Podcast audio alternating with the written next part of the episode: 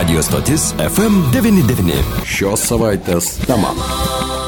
Salikai ir Mariampolė jau dirba pabėgėlių centrai, bet ko gero informacijos dar trūksta. Apie tai mes vakar kalbėjome ir mūsų eterėje su centro vadovu, policijos komisariato reagavimo skyriaus viršininku Mantu Strusku. Na, už tai mūsų klausytojas Darius skambina mums į studiją. Labadiena, gerbiamas Dariu, klausome jūsų. Labadiena. Labadiena, taip. Nemažai lietuvaičių įmasi ir asmeninių iniciatyvų, norėdami pagelbėti Ukrainos žmonėms, važiuoja į pasienį, veža ukrainiečius į Lietuvą, nes rautai iš tikrųjų daugiau kaip pusė milijono jau pabėgėlių ir jų kiekvieną valandą daugėja. Su kokia problema jūs susidūrėte? Man paskambino draugas, jis yra ukrainietis ir dabar jo dukra bando prasigauti iki Lenkijos pasienio iš bombarduojamo Kievo. Jau pasitraukė kur tai penkias dienas atgal, bet šiaip netaip gavo, įsėdo į mašiną ir važiuoja link Lenkijos pasienio. Jis kreipėsi ir mane sako, girdėjau, Alitu yra centras, kaip aš atvešiu dukrą, man reikia ją kaip tai priregistruoti. Ir aš dabar nerandu telefono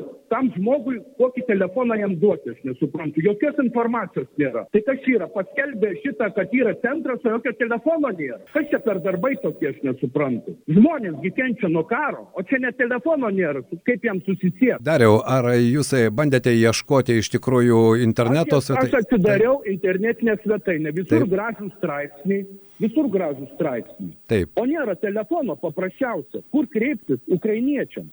Kaip pasiskambinti? Kur? Kas čia valdo, ką aš nesuprantu? Žinot, man juokas ima. Na, ko, aš puikiai suprantu. Konkretus klausimas, va dabar aš važiuoju. Lenkiją paimti dukrą atvežti, kur man kreiptis alyt? Ar į Marijampolę vežti? Pas ką yra telefonas? Taip, aš. Telefono. Bendro telefono aš irgi. Ką koordinuoja, ką čia Taip. nesuprantu. Dariau, aš galiu Jums dabar suteikti informaciją tik apie pabėgėlių centro vadovo jo telefoną. Mantas Truskus, jis yra apskrities policijos komisariato reagavimo skyriaus viršininkas. Būtent šiuo telefonu. Palaukit, o bendras telefonas kur? Bendro telefono dėja, tos informacijos ir aš neturiu ir mes bandėme vakar aiškintis. Man, man reikia bendro telefono, kur žmogus gali pats pasiskambinti ir jam rusiškai arba angliškai sakytų, arba aš galiu pasiskambinti, paklausti, kaip čia vežti ir ko, kaip čia reikia daryti. Man tutkaus nereikia. Aš puikiai. Man reikia bendro normalaus telefono. Tai puikiai suprantu, kad reikalingas bendras telefonas, kurio galėtų žmonės pasiteirauti, pasiaiškinti visus klausimus. Aš nesuprantu slapukavimą. Ko gero,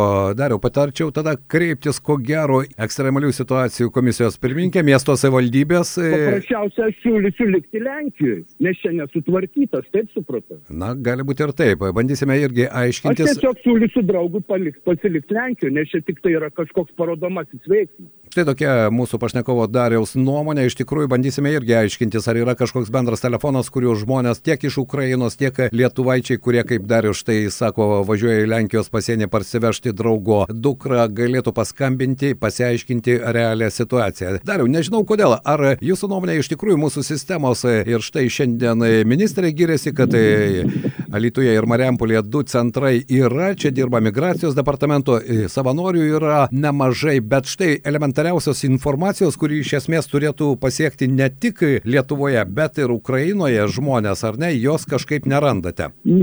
Nėra iš viso, čia juokdarių kompanija. Reali situacija, man dabar reikia draugui siūsti telefoną, kuris kreiptųsi dėl, kad atsiveža dukrą ir kaip jai čia viską daryti. Aš neturiu jam ką pasakyti. Supratau. Reali situacija. Taip, da, kažkaip tie pokalbiai kažkokie dėl žmonių raminimų. Gėda. Turiu tada tokį konkretų pasiūlymą, kadangi patys informacijos jie kontaktinio telefono neskelbia. Jeigu jūs dar neišvažiavęs, užsukite į pabėgėlių centrą Alituje, kultūros centre ir pabandykite bandykite galbūt vietoje įsiaiškinti, pagaliau galbūt atsiras tas bendras telefonas, nes kol kas mes kur, kaip... Kur, kur kultūros centras? Dabar kultūros teatras. Ai, ten kultūros. Kultūros ne, centras. Ne, aš tiesiog siūlysiu likti Lenkijoje, čia nepasiruošti. Taip, na. Aš matau nepasiruošti. Dariau, tai yra tokia jūsų nuomonė, mes bandėme aiškintis tą informaciją. Matau, yra nepasiruošta, čia net juokas įmačiau iš jų pasakymų, iš jų godimų. Čia tiesiog buvo kažkaip, man atrodo, veikla tiesiog dėl akių ant žmonių. O čia realus situacija, aš nieko nematau. Internete nematau telefono, nieko nematau. Kągi, dėkui Jums už šį signalą, dar visų mūsų pašnekovas buvo eterėje ir štai tokia situacija. Iš tikrųjų, nėra bendro telefono, kurio būtų galima paskambinti Alytuje į pabėgėlių centrą ir pasiaiškinti informaciją. Iš esmės, Darius yra teisus. Tokiame centre turėtų jau dirbti žmonės, kurie gali kalbėti tiek ukrainietiškai, tiek rusiškai, tiek angliškai ir pateikti visą reikalingą informaciją. Deja, kol kas iš neoficialių šaltinių, štai vakar mes su šio centro vadovu Mantus Rusku kalbėjome mūsų eterį, apie tai dar kalbėsime ir mūsų 12 val. žiniuose, bet neoficialiais šaltiniais informacijos miesto savivaldybėje niekas neteikia, tai gali daryti tik miesto meras. Na kągi, dar vienas gelbėjimo epizodas, tikėkime, kad šį kartą to nebus.